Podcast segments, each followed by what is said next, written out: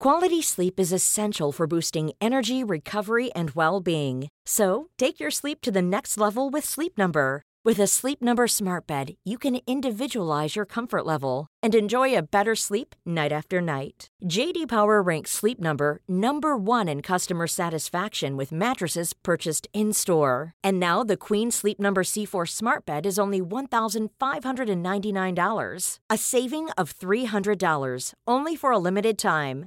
For JD Power 2023 award information, visit jdpower.com/awards. Only at Sleep Number stores or sleepnumber.com.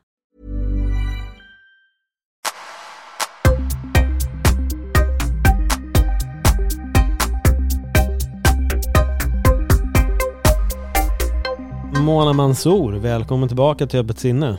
Tack, tack, tack. Sist du var här så var det full rulle. Det var Studio Kassim, var på ingång. Jag vet att du har kämpat och för er som inte vet, du och jag är vänner sedan många år tillbaka. Vi brukar sätta oss ibland, vi brukar alltid hamna på massa intressanta samtal och sånt och det finns ju då ett avsnitt ett. Så om ni vill höra det först så kan ni alltid hoppa dit, annars så lyssnar ni på det här och inser hur intressant det här förhoppningsvis nog kommer bli. Och så känner du bara, jag måste verkligen lyssna på del ett också.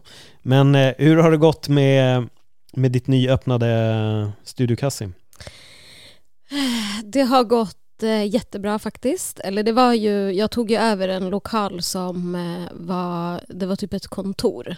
Och det var mitt i sommaren så jag hade, det var ju ingen liksom kunde jobba då.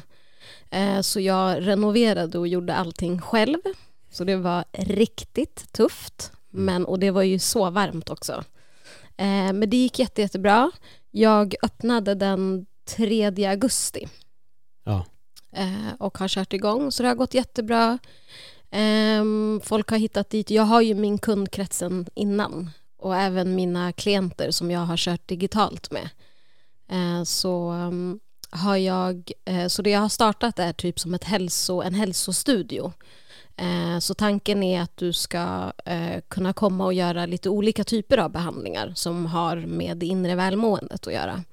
Eh, och jag jobbar ju som frisör och har gjort det i 15 år. Men jag har lite annorlunda koncept. Så att jag jobbar mycket med att stärka håret och hjälpa kunder att få en så bra hårkvalitet. Och har sett att stress och dåligt mående har påverkat hårkvaliteten jättemycket. Så då eh, bestämde jag ju mig för att plugga då till KBT-terapeut.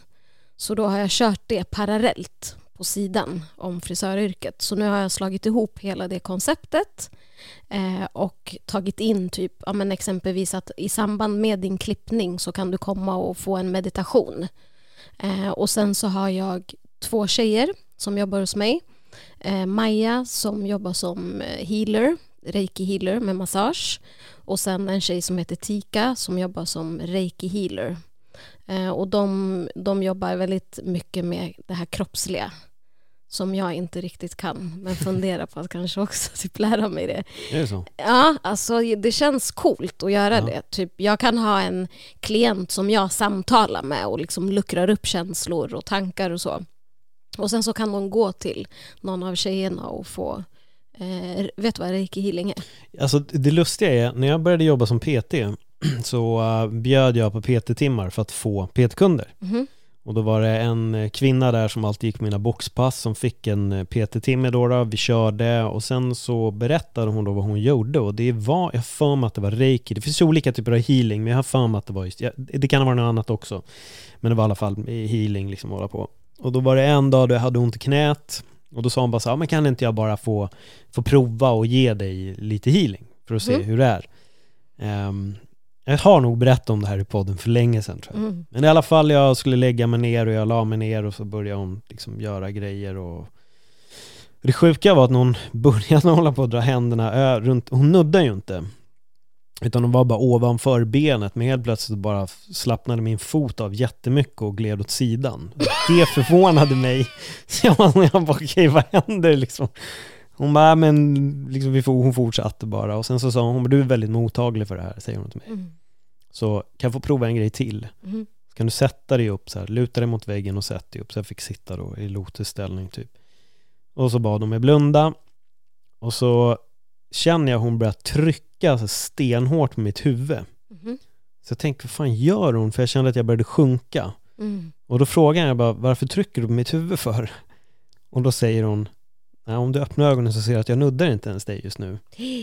Och då vart det så att jag är inte sån, jag, alltså jag har väl aldrig gått runt och kanske liksom trott på healing eller något sånt där. Jag har inte vetat riktigt vad det är, men och jag kände att det, det, det var som ett enormt tryck på skallen. Um, och jag kände att jag började sjunka ihop utav det och sen när hon var klar så var jag helt färdig. Wow. Jag var helt slut och då sa hon, hon bara Paul du är extremt mottaglig för sånt här Eh, så om du vill så får du jättegärna komma till min studio någon gång så får jag liksom ge dig det här en gång till. Men jag gjorde aldrig det, vi följde aldrig upp det här. Och jag har aldrig tagit emot healing igen sedan den dagen. Men får jag fråga en sak, Mm. kom du upp minnen när hon höll på? Alltså vad tänkte du på? Oj, alltså nu är det, det här är ju alltså det är 15-16 år sedan, så det är jättelänge sedan. Jag, jag, jag, kan inte direkt minnas att det kom upp något speciellt, men jag vet att jag kände mig lite konstig efteråt. Det var Mm. nästan som lite så här, ja, påverkad alltså. Ja. Det var väl det, jag kände mig lite låg och lite Ja. lågmäld utav det. Mm. Det var en skum känsla. Och det var väl inte riktigt det jag förväntade mig. Jag skulle egentligen träna men kände att jag hade lite ont i knät liksom. Men efter det så jag kände jag får hoppa den här träningen. Jag förväntade att jag haft min klass bara sen åka hem. Men jag, jag, blev, lite, jag blev lite låg. Mm. Eh, och det var väl en känsla som satt i en stund. Sen släppte det. Mm. Så ja. Men gud vad intressant. Jag tänker så här, ehm, med tanke på den här långa resan som du nu har gjort med dig Mm. själv så hade det varit jävligt coolt faktiskt om du hade kommit och testat på reiki Mm. och sett så här vad, jag tänker kontakten med dig själv och så, att det kan komma upp typ, Mm. ja saker som man, som man behöver processa. Ja, exakt. Jo, men det hade, det hade absolut varit intressant. Jag är alltid öppen för att, för att prova sådana saker. Jag jobbar ju mycket med meditation och ja, men dels det, kylexponering och massa sådana här grejer för att få fram eller allmänt bara sätta mig och tänka väldigt mycket också, brukar också funka. Men ja, det, det hade varit spännande att testa det igen. Det hade det varit. Jag tycker faktiskt det, för vi, jag har ju en tjej som heter Maja Mm. Och Maja är, hon, hon, eh, hon är så crossfit-tjej så hon kan ju kroppen på ett helt Mm. annat sätt. Så att hon känner ju av vart man har emotionella typ blockeringar, kallar jag dem. Och då går hon in på liksom de ställena och typ trycker på ett speciellt sätt. Men i, i hon, när hon gör reiki då lägger hon ju bara handen. Mm. Så hon gör inte så mycket mer än så. Och hennes massage är väldigt annorlunda från att du går till liksom en annan massage, liksom terapeut. Eh, och sen så har jag Tika, hon masserar inte utan hon kör det som du beskrev innan, bara liksom rent av healing. Mm. Och så känner hon på de områdena där du behöver stärkas och sen så får, går hon genom hela kroppen och sen så får hon liksom information. Och det, beror- såklart, allt beror ju på hur öppen man är. Om du sitter där och bara nej, jag tror inte att det här kommer hjälpa. då, då kommer ju inget hjälpa. Nej, så är det ju. Och, och jag tror att det var det som var så intressant första gången jag gjorde det för att jag Alltså jag hade ju noll förväntningar. Jag tänkte bara, absolut, det är klart att jag kan lägga mig på golvet här och se vad det är, för jag visste ju inte vad det var. Um, och det var det som var lite udda. Man är väldigt, väldigt udda. Men ja, jag, alltså jag är nog öppen för att testa det igen, så de får väl bjuda in mig vid något tillfälle så får jag Ja, prova. du kan ju komma när du kommer och klipper dig. Mm. Men, så, men jag måste ju fråga dig, du, vad tycker Ja. du är skillnaden att komma till min studio och att, än att komma till en vanlig frisörsalong? Vad får du för känsla? Ja, men nu är det ju mer hemmakänsla. Det är ju såklart. Alltså så, så känns det ju. Ja, precis. I samarbete med. Samarbete med Studio Kasim. Ja, precis. Nej, men det, det tycker jag. Absolut. Och, och det här är ju på ett sätt en, det är ju en, en sån klart given PR för ditt ställe liksom. Så det vill jag ändå att ni som lyssnar ska veta. Men det är ju någonting som jag gör för att du och jag är, är vänner. Det är Mm. därför jag vill in. Men sen vet jag också att vi hade ju ett väldigt bra samtal sist liksom. Alltså så bra samtal, wow. Ja. Jag satt och kollade på statistik, jag visade ju dig nyligen också. Ja. Det, var, det, det tillhör de mer lyssnade på senaste tiden i alla fall. Mm. De Alltså den feedbacken jag fick var väldigt mycket att så här, det var många som kunde relatera till det vi pratade om. Det var väldigt beskrivet på ett väldigt så här, logiskt sätt. Mm. Eh, och eh, så här, man, kunde, man kunde förstå mer i och med att jag också är en människa som förespråkar att vi ska sitta i känslor. Mm. Eh, och att istället för att vi ska fly dem eh, så ska vi möta dem och vi ska sitta i dem. För jag tror att det var en, en tjej som jag diskuterade det här avsnittet med och då sa jag det till henne att beroende på hur länge ett sår har funnits i dig så är den så här, det är olika hur, hur, hur laddad den känslan är. Och jag tänker om du har ett sår som har tagit plats när du kanske var en liten flicka och var kanske sju år och kanske kände dig exempelvis övergiven. Och sen så har ju det såret plåstrats om ännu mer genom livet, att du har känt dig övergiven flera gånger i ditt liv. Så när du känner den känslan, då är den extremt mycket starkare än kanske en annan känsla som du har mött som inte är så stagnerad i kroppen. Eh, och att när vi välkomnar den här känslan så händer det någonting med oss. Vi kan integrera oss med det som är vi. Eh, och där tror jag är det är någonting som jag förespråkar och det är just därför jag har startat den här typen av koncept. För att jag ska kunna hjälpa människor att komma ner på djupet istället för att ta bort det som är du att ta fram det och se det och integrera dig med det men också kunna jobba med kroppen. För att när jag, jag berättade ju för dig att jag gick i schematerapi i jättemånga år och det som var så fantastiskt det var att jag jobbade ju med sinnet men jag jobbade också med kroppen samtidigt. Så jag gick på, i terapi och sen så gick jag på eh, akupressur och så gjorde jag också mycket healing, just reiki. Eh, och det hjälpte ju mig att luckra upp saker för att allting som vi går igenom det är ju på cellnivå, så det sitter ju i kroppen. Um, nu glömde jag vad jag tänkte säga. Ja, men jag har en fråga där, för det finns ju de som vill separera på kropp och det som är medvetandet. Vad säger du om det? För det är lite så hmm, nästan Det kan bäst... bli riktigt djupt det här. Jag måste bara ta upp, du vet. Så eh, ja, alltså såklart. Du kan ju separera på det med tanke på att jag brukar säga att hjärnan är som en dator och att du har liksom lagrad information. Samtidigt är ju det en del av dig. Så hur ska du separera det? Nej, det, det, jag, jag tillhör ju den kategorin som säger att det inte går. Jag skulle säga att det, det vi hör, allting hör, hör ihop. Att vi vet ju att stress kan manifesteras i kroppen via låsningar och massa sådana grejer. Men jag tänker lite mer västvärlden har en förmåga att vilja separera de här två. Att kroppen behöver nödvändigtvis inte ha någonting egentligen Men smärta. Kroppen behöver kanske inte ha med en underliggande stress eller någonting. Jag tror att det mer och mer går åt hållet där man börjar se det ur den här uh, ur det perspektivet. Men jag tror att det är fel. Jag tror att det är fel väg att gå när vi börjar separera dem, separera dem från varandra. Ja, men det är sjukt intressant också för att när jag har varit och rest ganska mycket i Asien eh, där är det inte ens, det är inte ens en fråga. Mm. Det är inte ens hokus pokus, det är ingenting som är konstigt. Det är bara så här jag var i eh, Sri Lanka för några år sedan när jag höll på jättemycket med min healing och jag har, hade extremt mycket blockeringar liksom runt magen och ner till. Så hon la, hade någon så här rispack som hon typ så tryckte på olika ställen. Och du vet, jag tänkte ju direkt, alltså nu är det någonting som har hänt med mig, du vet. Jag måste ju till läkaren. Och då tittade hon på mig. Hon bara, no. Hon bara, you have blockings. Uh, much feelings, what happened in your childhood? Alltså det var ingen, så här, det var ingen grej. Och jag bara, aha, nej men det här och det här och så berättade jag för henne. Hon bara, ah, men du har fått, så här, du har fått blockeringar här och du har stagnerad energi. Så nu ska vi jobba med att öppna upp och liksom, eh, aktivera blodcirkulationen och få ett bättre flöde. Och det låter ju extremt logiskt. Men när jag skulle representera det för människorna här, då, var, då, kunde, då kunde man faktiskt skratta till lite grann och bara Ja, vad är energier?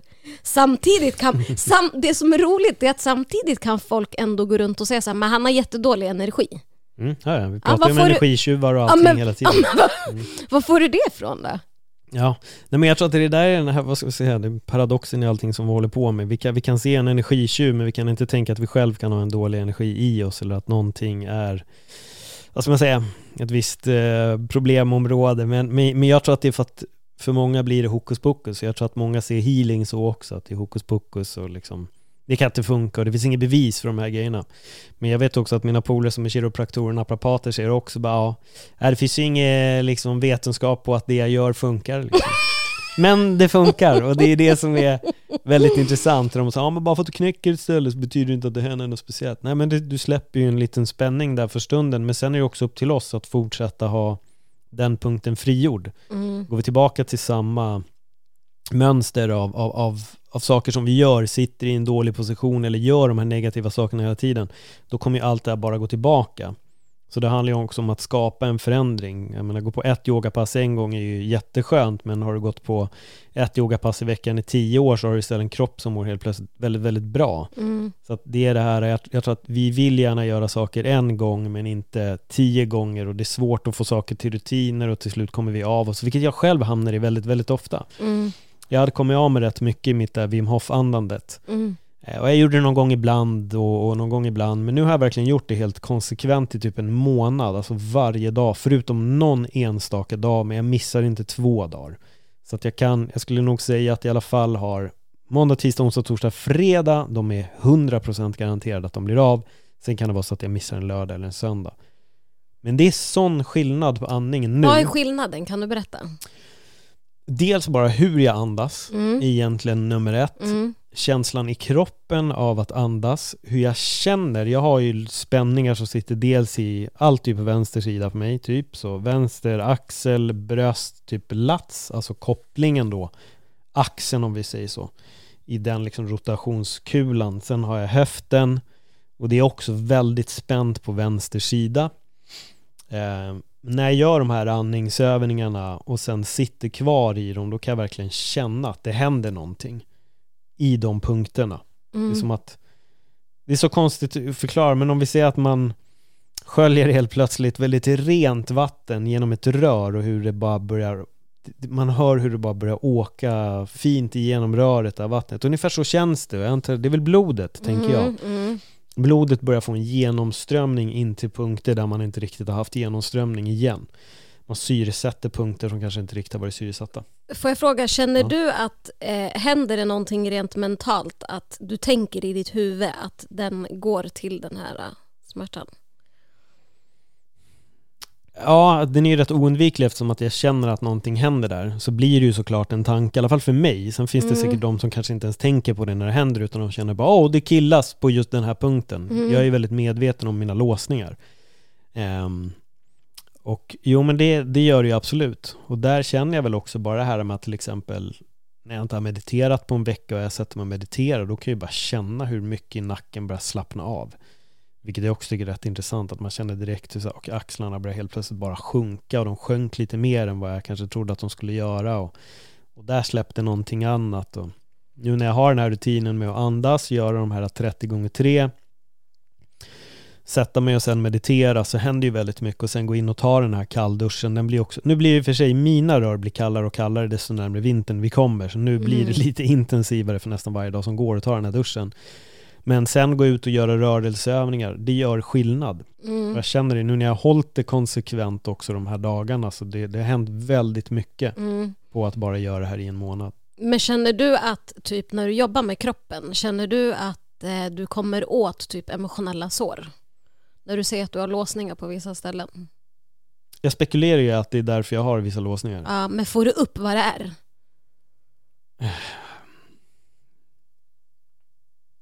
Alltså jag kan typ ha trott att jag har hittat en grej men sen är låsningen kvar så jag vet inte vad som är vad. Ja, Det, Ja. för, förstår du lite vad jag menar? Det, Ja. det är det som varit lurigt för det är grejer som jag har känt att jag har löst i mitt, i mitt liv genom att meditera, att gå djupt, ifrågasätta och hitta svar. Men jag kan ändå ha kvar en viss låsning på en punkt och då vet jag inte för jag, som jag pratade med en polare, Niklas, du följer honom, Kiro-expert. ja, ja. Vi satt och jag har ju varit hos honom också. Ja, ja, men vi var iväg. Vi, vi, Ja. vi, och vi brukar åka iväg till en polares landställe och vara där ibland. Mhm. Eh, och vi var iväg här nu för några veckor sedan igen och då började jag, vi kom in på det här med låsningar. Mm. Och då sa jag, ja men jag känner det här och det här, men eh, det jobbigaste med hela den grejen Niklas är att så fort jag börjar tänka på, tänk om det är stress, som egentligen är det här, då vet jag inte längre vad som är vad. Fattar. Det kanske är så att jag bara är stel för att jag har tränat fel och liksom gått in i fel rörelsemönster och det kanske är en av orsakerna till varför min vänstra sida ser ut som den gör. Att jag har jobbat snett väldigt länge, liksom. för det kan också Mm. vara så. Mm. Eh, och då sa han ja, han bara, jo men det är verkligen, när man väl börjar tänka på den där, då kan det bli väldigt snurrigt, för då blir det ju också det här, har jag bestämt mig för att ha problem i vänster axel? Liksom, går jag aktivt runt och bestämmer mig för att jag har ett problem i vänster axel? Går jag aktivt runt och bestämmer mig för att det är en grej i, i vänstra höften som är lite svår att få loss? Har jag bestämt mig för att ha de här två problemen? Det kanske är det. Det kanske mm. är jag som hela tiden tänker mm. på det här problemet mm. och det är hela tiden kvar. Mm. Och, och, när jag börjar i det snurret, då kan jag bli helt frustrerad över mig själv. Och då kan jag bli så, alltså det kan vara så jävla simpelt att jag pratar så mycket om den här jävla axeln. Det är inte som att jag sitter på något jätteproblem. Det är inte som att mina vardagar är lidande.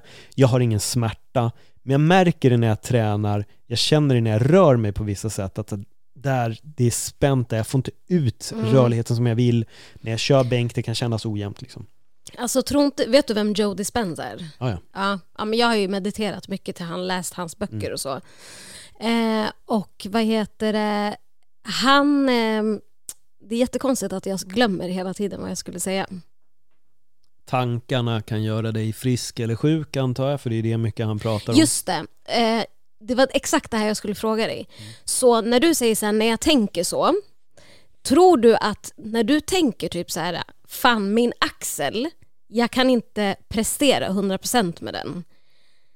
Den skapar en viss typ av energi i dina ord så att man känner någon typ av otillräcklighet som skapar en stagnation. Förstår du vad jag menar? Nej men exakt, och det, och det är det jag frågar mig själv hela tiden. Det är då också jag kan börja garva. Det är det jag kan skratta åt. så här, det kanske är så simpelt att för att jag lägger så mycket energi på det här tänket så, så, så, skapar jag det här problemet hos mig själv.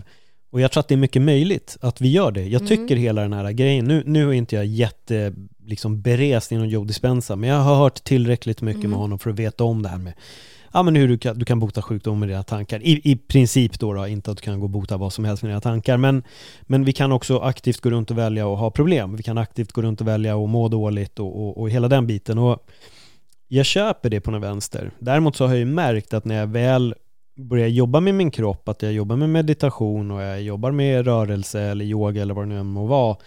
Det går ju ganska snabbt också och jag börjar, börjar må, jag börjar känna mig bättre. Ja, mm. men vet du vad jag tror?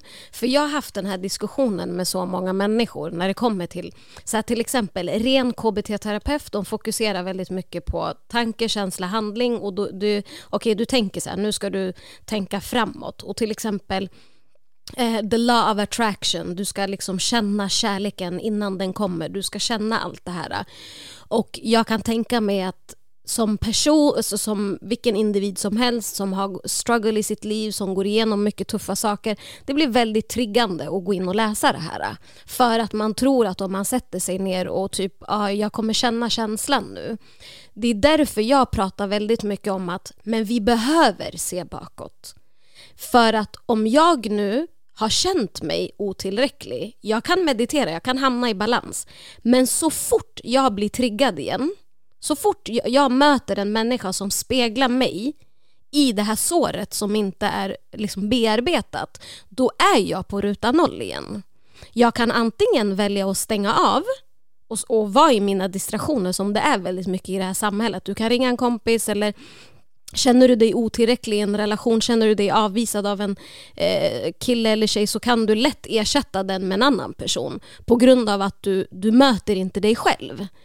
Um, och det är därför jag förespråkar väldigt mycket, men, men vänta nu. För jag tror verkligen att alla människor är en spegling av mig själv. Så det jag brukar göra väldigt mycket det är att jag speglar mig extremt mycket med andra människor. Så att när jag stöter på vissa typer av så här, triggers, då har jag börjat säga oj, vad händer nu? Flexibility is great. That's why there's yoga. Flexibility for your insurance coverage is great too. That's why there's United Healthcare Insurance Plans. Underwritten by Golden Rule Insurance Company, United Healthcare Insurance Plans offer flexible, budget friendly coverage for medical, vision, dental, and more. One of these plans may be right for you if you're, say, between jobs, coming off your parents' plan, turning a side hustle into a full hustle, or even missed open enrollment. Want more flexibility? Find out more about United Healthcare Insurance Plans at uh1.com. Quality sleep is essential for boosting energy, recovery, and well being. So take your sleep to the next level with Sleep Number. With a Sleep Number smart bed, you can individualize your comfort level and enjoy a better sleep night after night. JD Power ranks Sleep Number number 1 in customer satisfaction with mattresses purchased in-store. And now the Queen Sleep Number C4 smart bed is only $1,599, a saving of $300 only for a limited time. For JD Power 2023 award information, visit jdpower.com/awards. Only at Sleep Number stores or sleepnumber.com. Aha. Shit, jag kände mig jag kände mig lite avvisad här. Fan, det där var inte nice. Och förut kunde jag säga, ah, du vet, så här, okej skit i det och så bara gick jag vidare och kanske boostade mig med något annat. Men nu har jag börjat bli så här, vänta nu, vad hände där? Okej, va, vänta, vad ger det mig för känsla? Fan, det ger mig en känsla av att jag går runt och känner mig otillräcklig här. Och så kan jag bara säga, okej, så kan jag gå några dagar, du vet, så här, gud, jag kände så här i den här situationen. Kan jag sätta mig ner, du vet, meditera och bara meditera på den känslan. Och genom det så går jag liksom djupare in, okej, så kan jag få upp minnen eller du vet sekvenser eller situationer i mitt liv där jag har känt mig exempelvis avvisad. Mm. Um, därför tror jag väldigt mycket på att för att vi ska ha den här lättsamma energin och för att vi ska flöda så tror jag det handlar om att vi också behöver processa på vägen. Så är det ju absolut och jag, där gillar ju Don Miguel Ruiz som säger det att det är inte mina ord som har sårat dig utan de har snuddat vid dina sår och det är jag, jag tror att det är väldigt vanligt att man känner så. Vi blir vi blir egentligen inte stötta av vad en person säger utan vi blir stötta av att de är där och, och de nuddar någonting som påverkar oss. Eh, som till exempel att man har hört någonting alltid, eller jag vet, jag vet inte, det, det, det, kan egentligen vara vilken kommentar som helst att ja men du gjorde fel. Och så har man hört det här tillräckligt många gånger av en mamma, en pappa eller kanske någon i skolan, du gjorde fel, du gjorde fel. Och när, de, när det där ordet kommer när man är liksom 30 eller 40 eller 50 år gammal så blir man det lilla barnet igen mm. som är med den där känslan att ah, jag gör alltid fel. Mm. För att jag har hört det här så många gånger mm. nu så att det har blivit sant. Mm. Och det är egentligen som är väldigt mycket, men väldigt mycket vi hör för många gånger, det blir vår sanning. Mm. Eh, men sen om man får höra till exempel under hela sin uppväxt att man är söt, så, så fort någon säger att man är söt så är det inte som att åh, gud det stämmer för jag har alltid hört det, utan då klamrar man ändå fast i de här tio gångerna som man fick höra att man var ful. Mm. För vi går hela tiden mot det negativa i alla fall. Men känner du, för att det jag har märkt med den här resan som jag har gjort med mig själv, att hitta hem, att hitta tryggheten att liksom, du vet, när jag var ung, alltså jag tyckte inte om mig själv. Alltså inte på långa vägar, du vet. Mitt, alltså mina första år som frisör, jag kan säga till dig, det var ett helvete. Att gå upp och titta mig själv i den där spegeln varje dag, varje dag, varje dag, titta mig själv. Jag gillade ju inte det. Det var ju så mycket saker liksom började komma till ytan. Men det jag ville fråga dig också, det jag kan känna med, med den här resan jag har gjort, jag har ju blivit så extremt empatisk. Mm. Och jag märker också att så här, jag är så medveten om, om vad jag saknade som barn. Eh, och jag kan även se så att jag kommer väldigt så här, stark kontakt med barn. Jag hamnar alltid i sån här lekfull liksom, dynamik med dem. Och må många gånger tror vi att så här, barn vill ha så mycket de, de är så krävande men vet du, det handlar bara om att vi ska se dem. Det mm. handlar bara om att, du vet, jag behöver bara vara närvarande med ett barn, alltså typ mina vänners barn och så, närvarande, titta dem i ögonen när de pratar, alltså jag märker hur stor skillnad det gör och jag reflekterar väldigt mycket över min egna barndom. Alltså du vet så här, fem barn var vi, min mamma hann inte, hon pluggade till lärare. Vi var ju givetvis väldigt sedda men det var ju också de, de, så mycket delar av oss som inte vi kunde få utlopp för med tanke på tiden och allt. Eh, och känner du att din resa som du har gjort med dig själv, hur, hur har den förändrat din relation med andra människor? Uh, shit. Um jag kan fråga dig så här. Nej, men jag, jag, mm. jag, jag, tror att jag har väl försökt göra mig av med folk som har dålig energi. Nej men alltså så här, skämt åsido, det, det ligger ganska mycket i det. det. Det är nog lite så det har varit för mig. Jag... Alltså... Nu kommer det komma ett ganska konstigt svar här, men det är någonting som jag, jag har gått runt och tänkt på det där ganska mycket. Vi vi lever i en värld, jag är väldigt influerad av Don Miguel Ruiz, han pratar mycket om drömmen. Att jordelivet är drömmen liksom. Och jag tänker så mycket på det där när jag, när jag ser folk, eller till exempel som jag sitter här, du sitter där, den som lyssnar gör det den gör och på något sätt så är vi delaktiga i den här världen. Men vi har alla också huvudrollen i vår egen film och alla andra är på ett sätt, de har bara biroller eller är statister för oss. Och vi är hela tiden huvudrollsinnehavarna. Problemet tror jag är med väldigt många är att många är helt fast i att liksom, även om folk inte vill att tänka att jorden snurrar runt mig så gör den ändå det väldigt, väldigt mycket. Det är dens personen åsikt som gäller och det är dens personen åsikt som är den viktigaste och liksom, de kan inte böja sig, de vill inte ha fel och sånt där och jag jag är nog mer bara, jag försöker bara ta till mig av folk som man kanske kan prata med på ett sånt här sätt, där man kanske kan gå lite djupare. Jag är inte så intresserad av skitprat, då menar jag inte att sitta och snacka skit om folk, utan jag menar om ganska tomt snack. Jag har inte tid, jag, jag, jag är inte intresserad utav kallprat, rättare mm. sagt. Det är ordet jag letar efter. Jag är inte intresserad utav kallprat.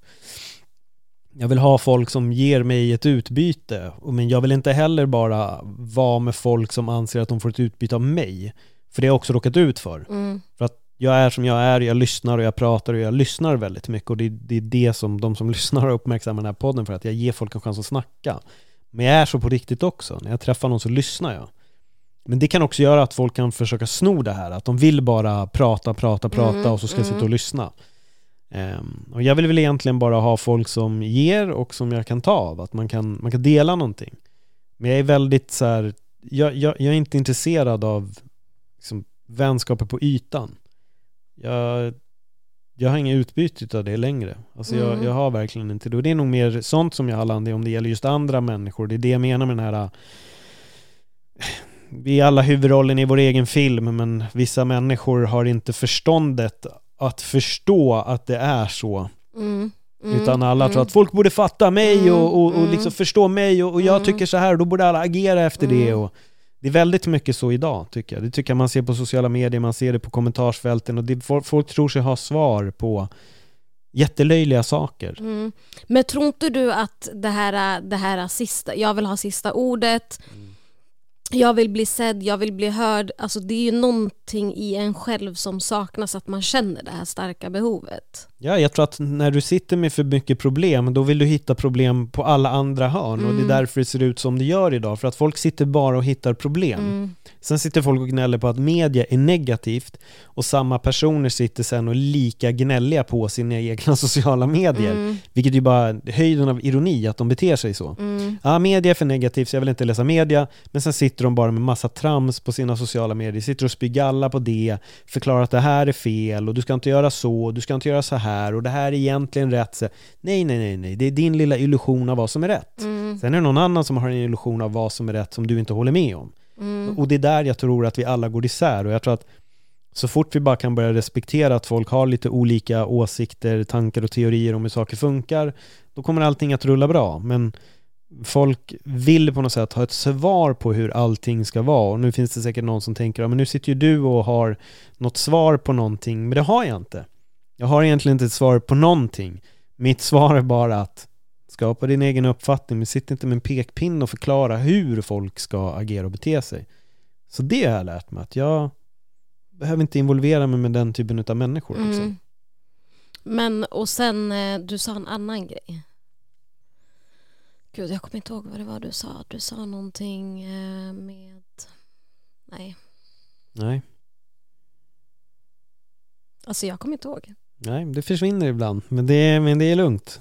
För det är, det är inte du som ska intervjua, det är jag. Och jag menar inte det är negativt, jag bara menar att du, Ursäkta, nej, jag du, du är inte, vad ska man säga, det kommer. När du har intervjuat många gånger, då kommer du minnas. Men det är svårt, alltså det är svårt att komma ihåg grejer när man sitter och, och ställer frågor till någon. Speciellt... Nej men jag har, jag har alltså det, det, är, jag lovar dig att det här är efter corona. Är det så? Alltså jag lovar att jag känner så här efter corona. Aha. Ja, ja, ja, alltså jag eh, har, känner att det har hänt saker med mig. Jag har ju fortfarande problem med lukten. Hur länge sedan hade du då? Nej men det var i februari. Shit. Så jag märker ju ibland att min hjärna är liksom, och du vet jag är, alltså inte, jag är clips, alltså jag har mm. koll på saker. Jag kan tänka, jag kan göra hundra saker samtidigt. Men jag har märkt verkligen att nu är det så här, nej du kan inte göra. Det här, du måste göra en sak i taget. Mm. Det har jag faktiskt märkt av. Och det är många, jag pratade med en läkare om det, han sa att det är väldigt många kvinnor som har haft det problemet. Shit. Jätte, jättemånga. Att, vad var det han sa? Han sa att eh, männen har blivit sjukare av covid men att kvinnor har fått pr- mer problem efteråt. Alltså jag har känt mig seg efter corona. Det, det har jag gjort. Jag har ibland känt att jag inte är lika skarptänkt, men jag vet inte om jag har lagt det på covid eller inte. Just det, det var det här jag skulle fråga. Men, ja. Så när du träffar, för att när jag förklarar det här, du vet att människor speglar en, Ja. så eh, vad gör du när, du när du träffar någon och, den, och du blir triggad? Mm. Vad gör du då när du blir triggad? Alltså jag, jag har snöat in igen nu på, på stoicisterna, på stoicismen, Marcus Aurelius och sånt. Och, och alltså jag har citerat det här så många gånger, men det är Seneca som säger det. Men det, det, det tål att repeteras för att folk behöver verkligen höra det här. Varför tar du åt dig? Är det sant det personen säger? Eller är det bara nonsens? Varför tar du åt dig? Och jag tror att det är, den, det är det vi behöver fråga oss hela tiden. Vad är det som gör att jag tar åt mig? Får jag höra en sanning här nu som provocerar mig? Eller är det bara någonting som är helt osant? Och om det är det, varför tar jag åt mig? Det finns ingen anledning att ta åt sig. Och eh, jag tror att det beror på hur en person säger någonting. Jag menar visst, vill en person gå runt och vara rent ondskefull mot mig och bara spy ut prylar mot mig, det är en sak.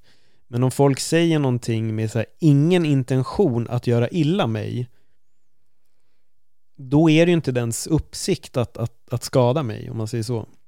Så jag försöker väl väldigt mycket mer tänka att jag behöver inte ta åt mig av vad någon säger, jag behöver inte bry mig. Och jag tror det är det jag på något sätt tänker på med den här uh, världen och huvudrollerna och alla som är skådespelare i sitt eget liv och sådana där grejer. att Du behöver egentligen inte ta åt dig av någonting. Du väljer själv om du vill bli påverkad av det den här personen säger. Det är, he- det är helt ditt eget beslut. Det finns egentligen ingen som kan säga någonting till någon som kan skada den. Såvida det inte är en fysisk handling, men då snackar vi inte ord längre. Men, men det... Alltså ord, ska, ord skadar bara när du väljer att de ska skada dig. Mm. Det är den och det, enda du, gången ord skadar. Ja, men jag tänker så här, du speglar ju dig själv nu. Ja. Du frågar ju dig själv, varför tar jag åt mig? Ja, exakt. Och genom att du går in i och speglar dig själv, Mm. Då hittar ju du en lösning. Men väljer du att lägga plåstret på den Mm. och kanske agera aggressivt, eller typ så här, ja men att du gör en handling av det ordet, Mm. då, är ju du, då är ju du i din distraktion. Exakt, och det är där folk är för mycket.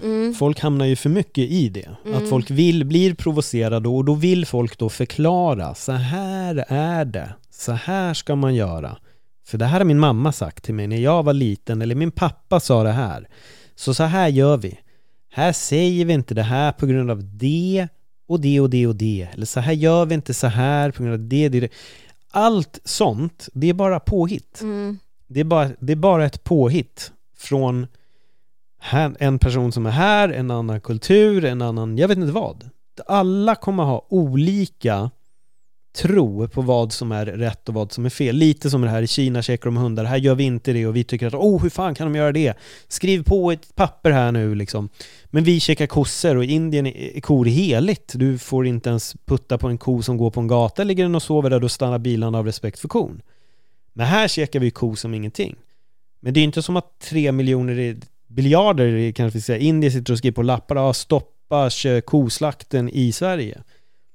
Så Nej, men- vår, vår tro, vi tror en sak och vi tror oss ha rätt svar. Men någon annan kommer tycka raka motsatsen. Ja, och jag tycker sociala medier, alltså det kan ju vara bra på ett sätt, men samtidigt, just på grund av det här så tycker jag att det är dåligt. Mm. Eh, och det är på grund av att, som du säger, alla har så mycket behov. Och sen så är det, alltså sociala medier är det är ju enkelt att, så här, det är ju en, en jättebra plattform till att, ja men exempelvis boosta ditt självförtroende, eh, boosta självkänsla. Eh, det, jag, jag tycker att det är ett sätt att lägga täcke över sig själv. Sen självklart finns det ju jättebra saker med sociala medier också, där man lär sig väldigt mycket. Men jag tycker personligen att det är Eh, det är därför också jag har många perioder då jag inte är inne där. För att jag tycker att det är för mycket... Alltså det är för mycket nonsens.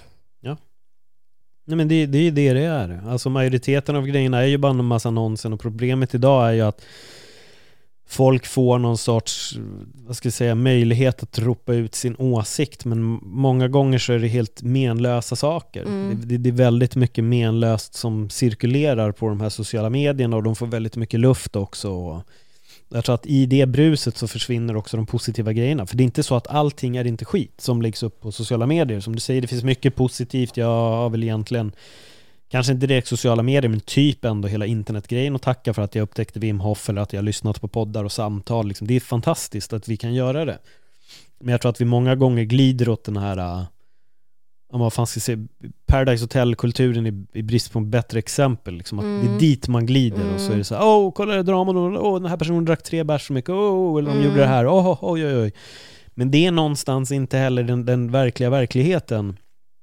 Och jag tror att det där jag vet inte, för mig som jag säger återigen, så här, djup. Vad, vad, vad, är vi? Vilka är vi? Vad står vi för? Vad, vad tycker vi? Vad är känslor? Och... Men det, vad det, är det, vi? Det, det, är mycket lättare att gå fram och kasta skit på någon än att ge en människa en, en, en varm kram. Liksom. Ja, men jag tänker så här, vem är vi? Om jag är en person som har x antal följare mm. så blir jag ju något i samhället.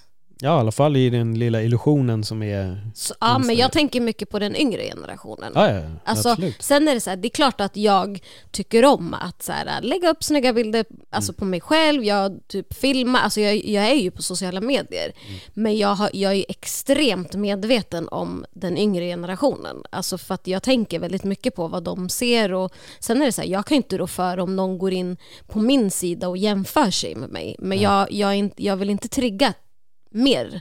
Liksom, jag vill inte trigga unga mer på det sättet. Och även om jag sitter här och är 36 år gammal och fattar att den personen inte är mer värd för att den har x antal följare så är det en problematik idag. Mm. Det är det. Det är jättejobbigt för unga människor att växa upp. Den psykiska ohälsan är, den är alltså enorm. Mm. Den är liksom mer än vad den någonsin har varit. Um, och ännu mer har det blivit med, med tanke på isoleringen. Nu har det inte varit jättemycket isolering i Sverige men det har ändå varit det. Ja, säg det till den där äh, tusenmannamarschen som var ute i Stockholm och gick runt på gatorna som var helt öppna för alla men de ansåg att det var helt, helt stängt och helt nedstängt. Återigen, det, jag håller med om psykisk ohälsan, det, det är katastrof att det ser ut som det gör. Samtidigt så här ser vi också världsbilden olika för olika människor.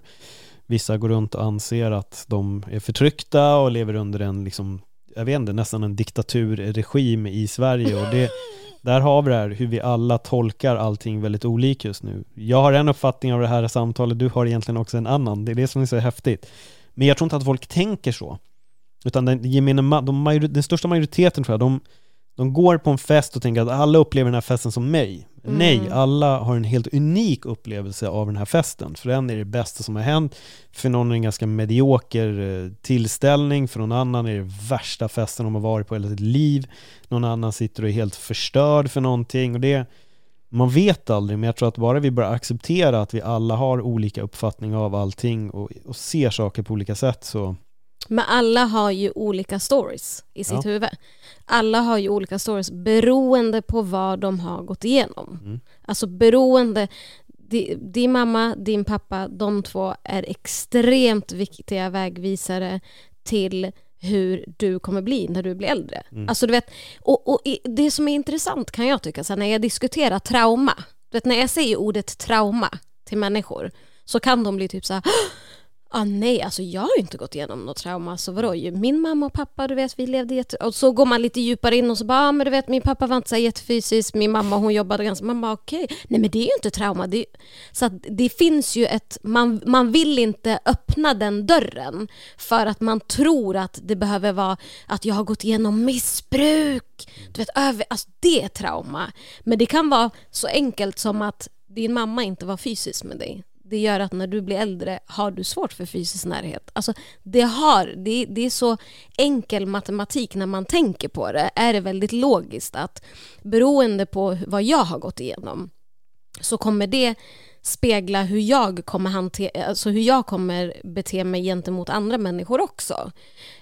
Um, och, och jag tänker väldigt mycket på så här, jag förstår ju att min fysiska närhet, den kommer ju på grund av att min mamma var ju extremt fysisk. Hon var jättenära mig. Jag sov hos, med min mamma väldigt länge. Så jag har ju det här behovet av fysisk närhet. Det är väldigt, väldigt viktigt för mig.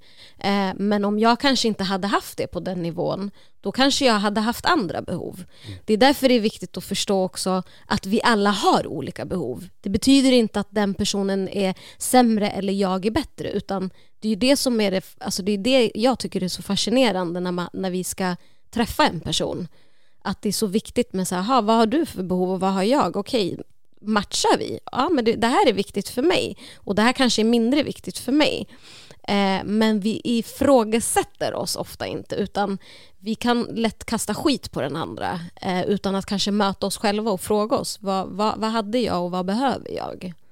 Så är det jag tror att just de där alla sitter vi på våra trauman men det är väldigt många som du säger som inte vill titta på det. Ah, varför ska man titta bakåt för? Varför ska man göra det här? Och liksom, det som var, det var och nu, nu är det bara att gå vidare. Men jag anser väl själv att du måste titta bakåt för att hitta vissa grejer och när du vill se dem så får du också svar mm. på varför du kanske gör som du gör eller beter dig som du gör i en viss relation eller vad det nu må vara. Vi, ja, vi är alla väldigt väldigt olika men jag, jag, tror att vi alla sitter med vårt skit från vår uppväxt liksom. Det är väl egentligen ganska tragiskt att folk inom skolan kanske inte riktigt förstår det här får jag ibland känslan av utan man anser bara att ett barn är ett problembarn utan att kanske egentligen förstå att okej okay, det är nog någonting som är riktigt knas hemma med tanke på att den här ungen agerar som den gör just nu. Vad är det som mm. gör att den här personen alltid hamnar i små problem eller är lite bråkig? Liksom, det, det, måste ju bero på något. Mm. Och det jag, jag, jag eh, pratade, jag hade en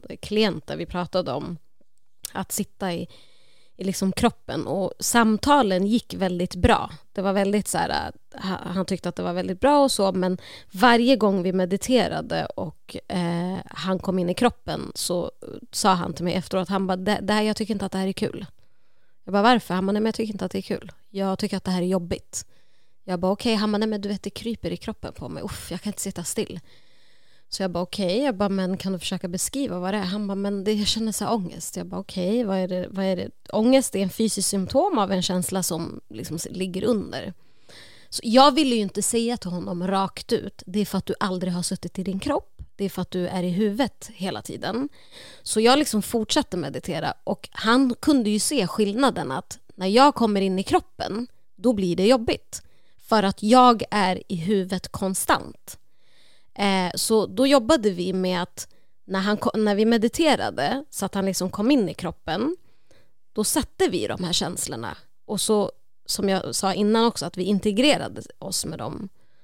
Alltså lyckan han kände att förstå att ett, det här är normalt. Två, det är inget fel på mig som jag har gått och trott hela livet. Eh, och att jag kan sitta här och vara i mina känslor utan att fly. Alltså den transform transformationen jag såg gav mig så här wow, alltså för att det är så många människor som inte vill sitta i sin kropp. Mm.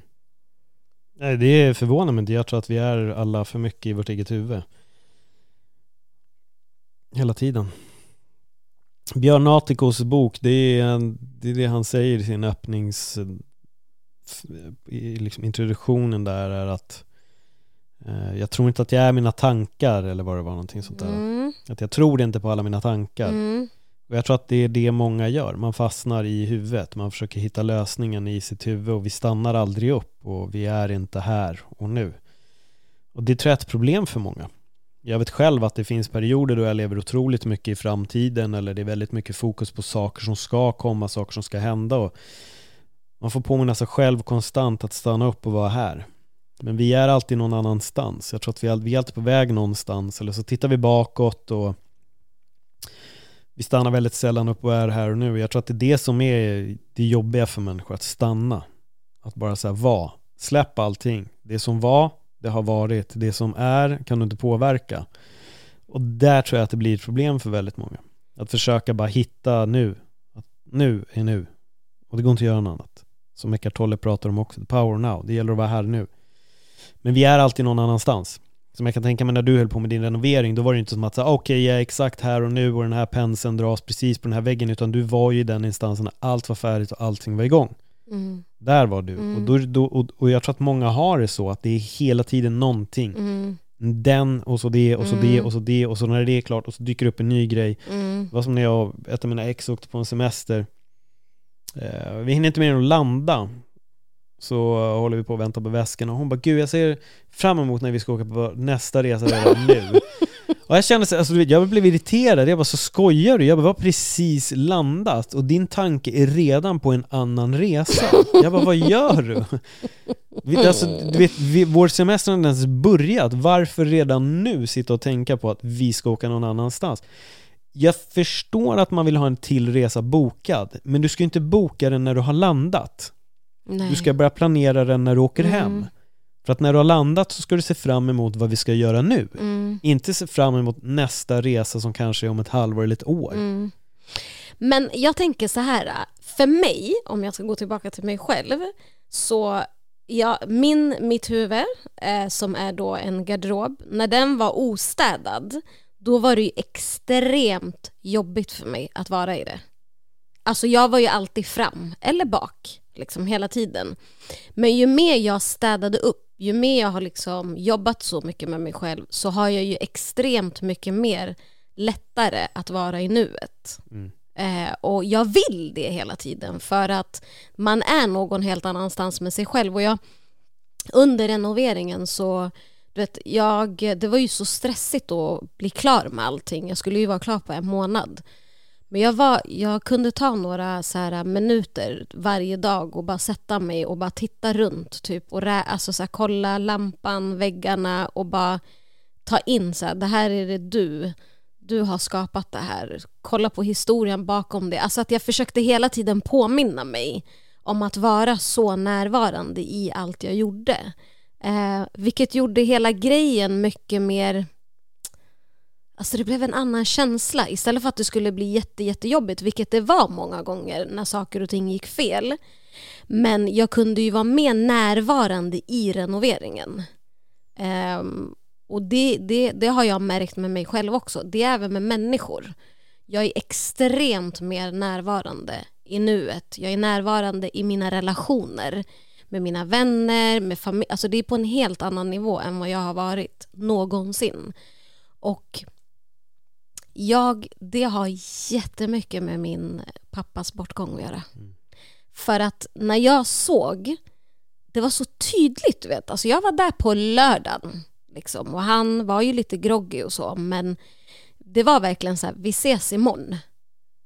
Och sen så när jag kom dit morgonen efter och han inte var där, alltså det var sån, det var så sjukt att du är här en dag och nästa dag är du inte här. Mm. Och jag förstod hur mycket skit vi lägger på så onödiga saker.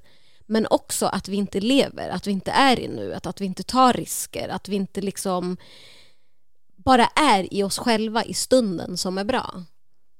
Um, och jag pratade väldigt mycket med en vän om det där att du kan komma ut så olika från trauman. Min pappas bortgång, det är det vidrigaste. Men det är också den mest, det är de mest två lärorika åren i mitt liv. Mm. Jag kommer hoppa till en helt annan grej. Men vet du varför barn blir väldigt besvikna när de inte får göra en grej idag utan det är imorgon? För att de är så närvarande i nuet. Ja, för att det är det enda de kan. Ja, de, de, kan. de, de lever bara här och nu. Och det är därför jag älskar dem så ja. mycket. Men det, men det försvinner från oss. Desto äldre ja. vi blir så försvinner ju det där från oss. Och då blir det det här att vi hellre är i liksom då eller sen, att man, man passerar hela tiden de här bitarna. Och det, det där är väldigt intressant tycker jag. Med att just barnen har en, den otroliga förmågan att bara kunna vara här och nu. Ja, så länge du är närvarande. Jag märker ju det när jag är med mina vänners barn mm. också jättemycket. Alltså det är bara att så här, de är så närvarande i nuet, de är så närvarande i lekarna. Mm. Alltså du vet, jag, jag lär mig jättemycket från det också. Jag är så här, ser du hur de, hur de lever? De är, och de, de är så närvarande i nuet. Hur känns det idag med, med pappa? Vi pratade ju om det här i förra avsnittet också. Ah. Nu, nu har det gått några månader till. Du säger själv att det också hjälpt dig att läka på ett sätt. Vad, är det något nytt som har hunnit landa? Alltså mycket typ hur så här, man går igenom väldigt mycket sin uppväxt. Man går igenom relationen till sin pappa. Jag har ju speglat liksom mycket med hur jag är med män som jag träffar och så här, hur, jag är, hur jag var med min pappa. Så det har varit, alltså det, det, jag har landat i det, men jag kan hamna, jag vet inte om du, du, du hamnar säkert också i så här sorgedippar Mm. som kan vara väldigt, väldigt svåra att hantera. Eh, och då är det nästan som att det hände igår. Mm. Då är det svårt att ta sig upp, det, kan, det blir en enorm tomhetskänsla. Och den går liksom inte att, alltså det går inte att göra något åt den. Det är bara att man behöver vara i den känslan. Eh, jag vet inte om, den har kommit ganska mycket nu så på sista tiden. Jag vet inte om det är du vet, i studion, den är kallad efter honom. Han är så stor del av min resa. Jag processar så mycket saker. Jag, han är så närvarande i allting jag gör. Eh, samtidigt så, så, det är sjukt alltså, men som jag har sagt i det här förra avsnittet när vi snackade också, att det är så vackert att gå igenom en sorg. Det är vackert och vidrigt och det är så mycket liksom känslor på samma gång, men jag skulle ju inte vara den här personen jag är idag. Nej. För jag har lärt mig jätte- jättemycket av min pappas bortgång. Det är det man gör.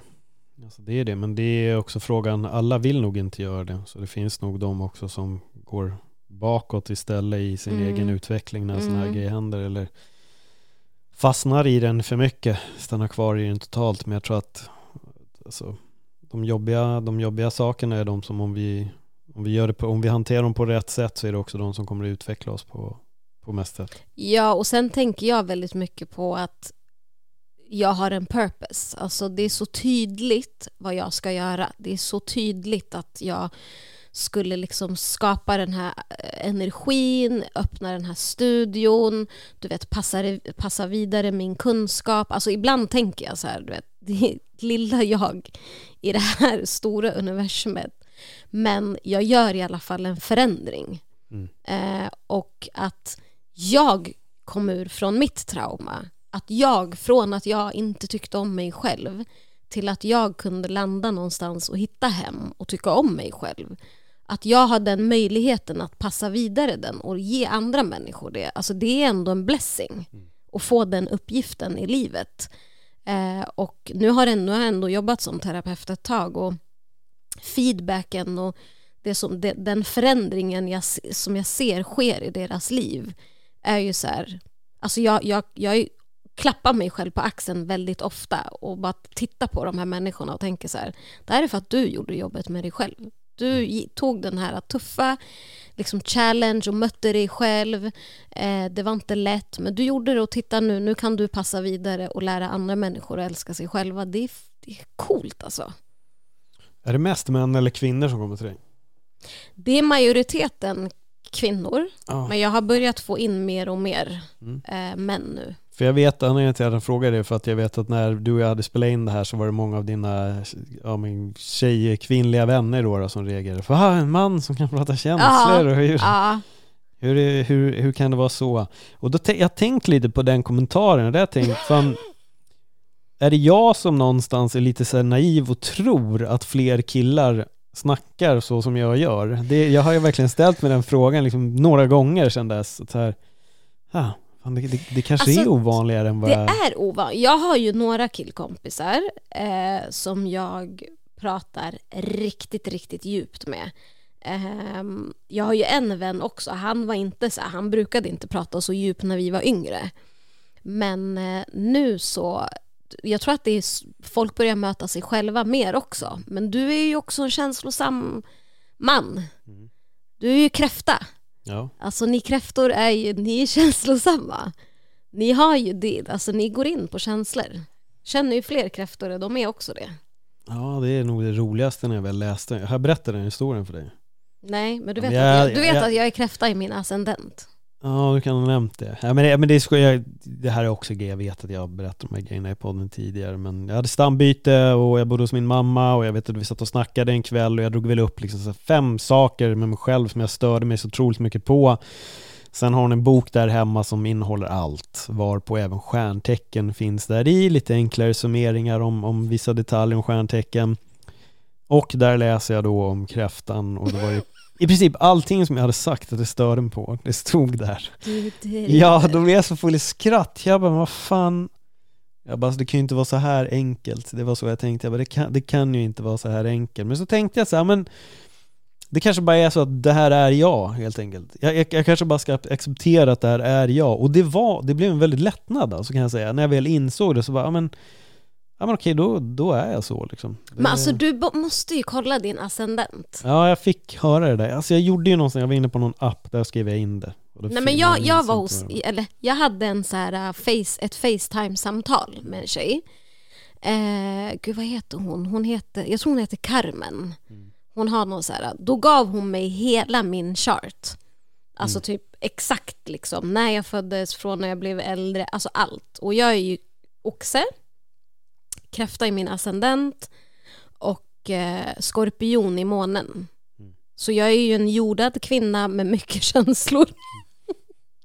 och vet du, det var jävligt coolt när jag fick den. För det gav mig så mycket, för jag har inte känt mig så mycket som en oxe. Lite grann, men jag är ändå extremt mycket mer som en kräfta.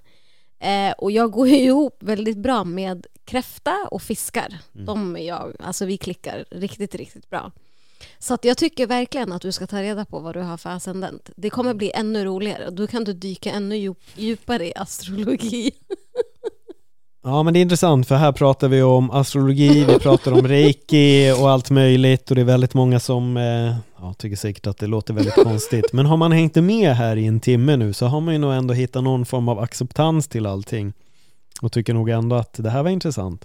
Så jag tror att man ska ja, ha ett öppet sinne som podden heter helt enkelt och, och testa. Men var hittar man dig och hur hittar man till ditt ställe? Så man hittar till mig, eh, studion heter Studio Kasim och ligger på Erik Dahlbergs gata 30 och vi har även en Instagram som heter Studio Kasim med två M på slutet eh, och vi finns även, bara om man så googlar så hittar man. Mm. Grymt! Mona, tack återigen för ett, eh, för ett bra samtal. Vi I vanlig ordning så hamnar vi ju lite överallt.